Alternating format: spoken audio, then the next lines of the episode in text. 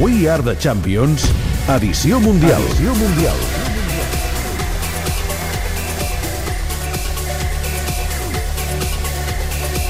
Àlex Castells, bona nit. ja, Eh, bona nit. No t'enfades, oi, si dic que em portes una història friqui? No, però mira, el Xavi me n'ha aixafat una, eh? La del Bonic la teníem preparada. La tenies preparada, en sèrio? De Per veritat? Més endavant, sí. Sí, però pots tenir més matisos. Aquí només Sí, hem dit sí, que repeteix el nom. Per cert, que d'històries friquis, eh, entre cometes, perquè ahir ens va presentar Sterling i va ser un dels protagonistes del, És veritat, bastant de la bon jornada. Bastant i bon ull, No. Més durant enllà tota, del durant tota la setmana a Anglaterra havien estat discutint si Raheem Sterling s'havia guanyat o no el dret a jugar com a titular i a més a més va fer una aquesta demarcació de 10 va ser un dels, dels Vas, destacats vas en veure el partit, eh? Va agradar Sterling. Vaig poder veure una bona part del partit. Una bona part del partit, molt bé. N'hi ha, n'hi ha d'altres que, si fa falta, es queden fins les 3 de la matinada i fins les 5 a veure partits del Japó. Home, és el que toca. Correcte. Uh, avui ens portes una història uh, friki, per què? Doncs perquè ens parlaràs d'una selecció segurament de les menys conegudes d'aquest Mundial, l'Iran, i d'un jugador que no ens deixa indiferents, que d'entrada és notícia al seu país. Però si per més què? no, curiós, eh? Uh, D'entrada direm que és un jugador marcat pels tatuatges. Mm, No tindria res d'especial el fet de ser un jugador amb molts tatuatges si no fos perquè aquest jugador és iranià. No en té més ni menys que la gran majoria de futbolistes, però eh, va néixer i defensa la selecció d'un país que habitualment no veu amb bons ulls els tatuatges. My name is Michael Schofield. My brother is facing the electric chair. Framed for a crime he didn't commit. After his appeals were exhausted, I knew there was only one way to get him out. Què és això? Aquesta és la sintonia de Prison Break, una de les No l'he vista, sèries sèrie. eh, més vistes de, de la història de la, de la televisió. Eh, hem sentit al començament el nom del protagonista, Michael Scofield, és com han batejat els companys de la selecció eh, Ashkan Dejaga, un paper interpretat en aquesta sèrie per Wentworth Miller. Eh, el personatge en qüestió, Michael Scofield, tenia tot el cos ple de tatuatges amb el pla de fugida de la presó on estava internat el seu germà i en Dejaga, com dèiem, doncs, té uns quants tatuatges al seu cos. D'entrada en un braç eh, té eh, el nom de la ciutat que l'ha acollit, Berlín, i en l'altre el nom de la ciutat on va néixer, Teheran, la capital de l'Iran. També en té un altre al coll que diu Mai oblidis d'on vens, no el té en català, el té en àrab, però, però destaca per això. Per què destaca o per què és especial en aquest cas concret? Perquè fer tatuatges o ser tatuat a l'Iran és il·legal. Les autoritats fan la vista grossa, no no ho persegueixen, però la llei islàmica no ho permet. Especialment a les dones, ho tenen prohibit tenen prohibit fins i tot, per exemple lluir pantalons molt estrets. Uh, en alguns partits amb la seva selecció de ha hagut de jugar amb les mànigues llargues per dissimular aquests tatuatges que du al, al, al braç. És un negoci fora, per exemple, del radar de les autoritats islàmiques.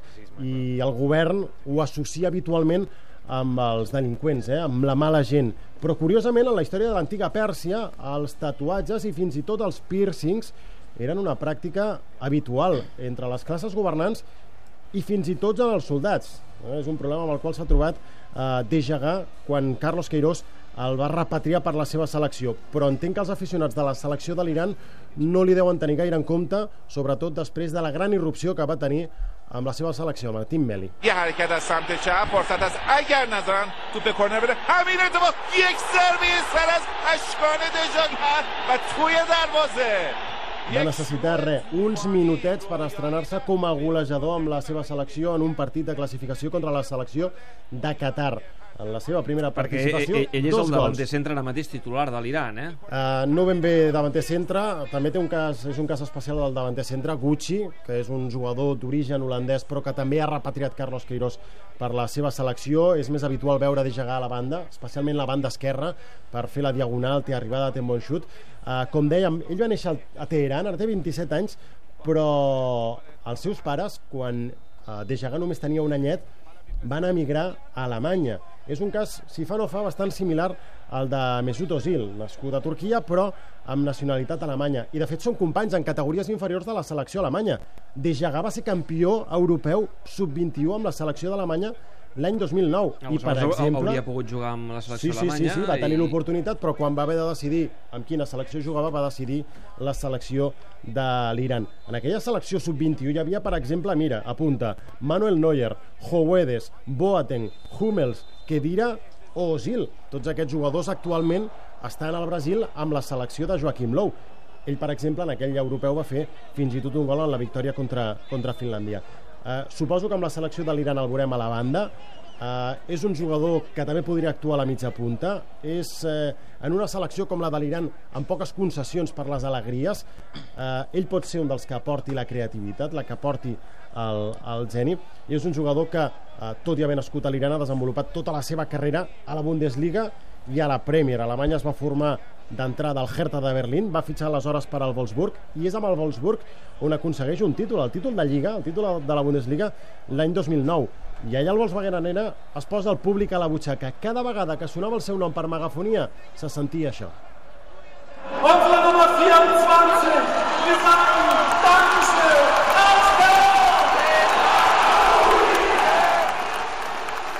Hooligan, eh? Hooligan, li diuen hooligan. Entenc que per la implicació que tenia amb el seu equip, no per altres El facetes. coneixen com un hooligan. Allà a Wolfsburg el coneixien Ah. com el Hooligan. Ashkan Hooligan. Després va ser traspassat al futbol anglès. El Fulham es va convertir aleshores en el tercer iranià que jugava a la Premier. El primer va ser Teimurian, actual company de la selecció, i l'altre va ser Bagheri, que ja està retirat. Uh, no han estat del tot dolents els seus números aquesta temporada amb el Fulham, 5 golets en 22 partits de Premier, castigat sobretot per una greu lesió, no ha estat sempre titular tampoc quan ha estat en condicions. Uh, com a jugador, però, ha estat votat el millor de la temporada pels aficionats de Craven Cottage. No ha pogut evitar, tot i les seves participacions, el descens eh, inesperat del Fulham al Championship. Ara, però, li toca precisament un canvi de xip a Ashkan de Jagar. چه گلی حاصل عشق است و امید چه گلی از دل ایمان بدمید چه گلی Què et sembla, la cançó oficial de l'Iran per participar al Mundial És del la cançó 2014? oficial. A veure, a veure, Sí. deixa'm-la sentir, deixa'm-la sentir.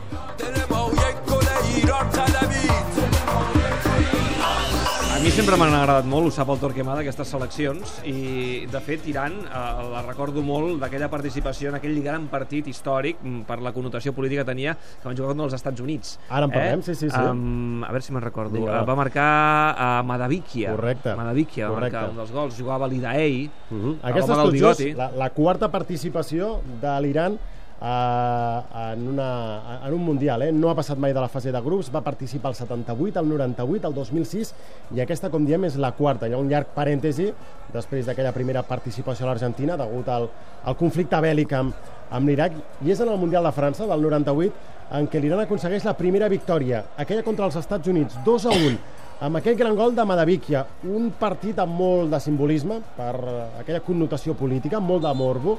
Hi havia aleshores un gran distanciament polític eh, entre els dos països, però els jugadors van donar aleshores una lliçó al món. Eh? Van saltar la gespa, agermanats, es van intercanviar regals, es van intercanviar flors, però després, quan va acabar el partit, eh, a la ESPN no ho van pair gaire bé. Fired up, a must-win match against Iran. Well, Steve Sampson ready. Five new starters in the lineup.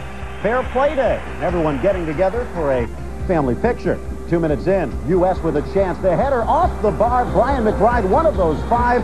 Iran would take advantage of the U.S. all-out pressure. Thomas Dooley out. Què és el que estàs explicant? Ara arriba el moment en què Madavikia fa aquell gol històric. Madavikia que acaba donant Two nothing. Juguen out for per, per l'Iran gràcies a aquest gol 88th de, de Madavikia en aquella generació que tu deies liderada per Alida Ell que va jugar més de 100 partits amb Va la selecció l'Hertha de Berlín, em sembla, eh? el Hertha i el Bayern de Munic I el Bayern de primer és gran veritat. ambaixador del, del futbol iranià a l'estranger el primer asiàtic que jugava per exemple la, la Lliga de Campions ara actualment és l'entrenador de, del Persepolis i deixa'm que us, uh, us, us mostri, si més no que pugueu sentir com va celebrar aquella selecció de l'Iran la victòria als vestidors de l'estadi de Gerlan a Lió.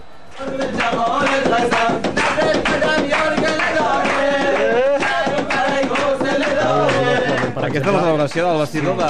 No, no m'imagino avui, per exemple, de la el selecció Benzema i iraniana, eh? companyia, quan guanyin el, el partit contra Honduras, celebrant-ho d'aquesta manera la, al vestidor. Eh, fa estona que el Xavi Campos no ens diu res, senyal de que aquest França-Honduras està més que sentenciat i que això quedarà, vaja, en victòria clara del França. El tema és saber si França en podrà fer una altra, Xavi.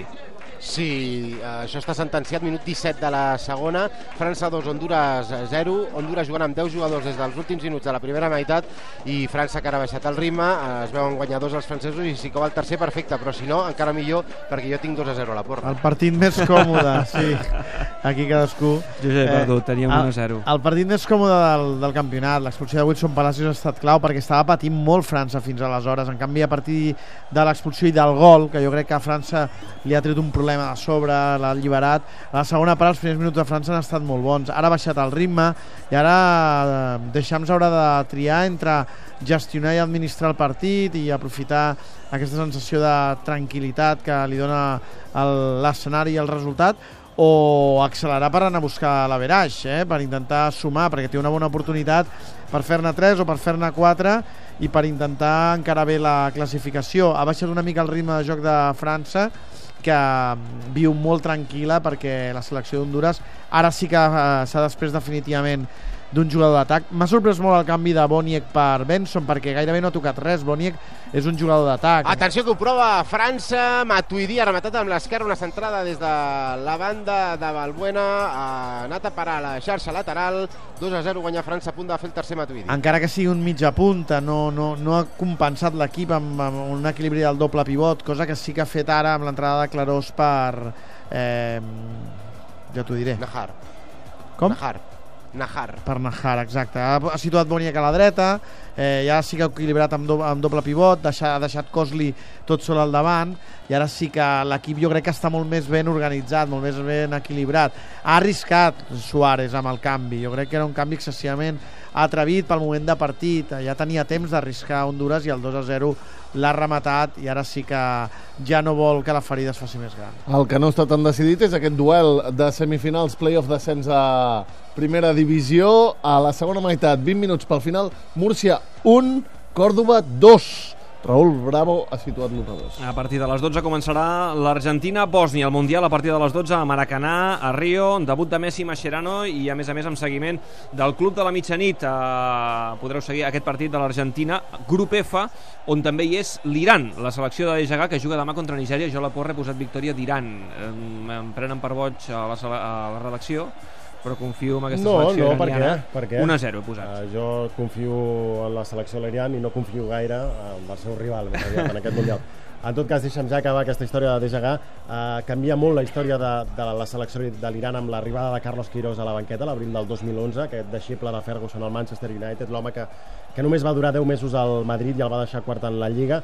Una de les primeres decisions que pren és repatriar jugadors com Dejagà o com Gucci, Guccian Nejat, del Charlton actualment, internacional en les categories inferiors d'Holanda, internacional absolut ara però amb la selecció d'Iran. Hi ha fins i tot el cas molt concret d'un jugador nascut a Califòrnia de pares iran- iranians, Steven Beitashur, que també tenia l'opció de jugar amb els de Jurgen Klinsmann, però al final ho farà amb la selecció de l'Iran. I amb tots aquests ingredients, l'Iran va superant fases, una primera fase contra les Maldives, no gaire exigent, després dues rondes, i acaba aconseguint el liderat i la classificació in extremis en un duel directe a Ulsan contra Corea del Sud.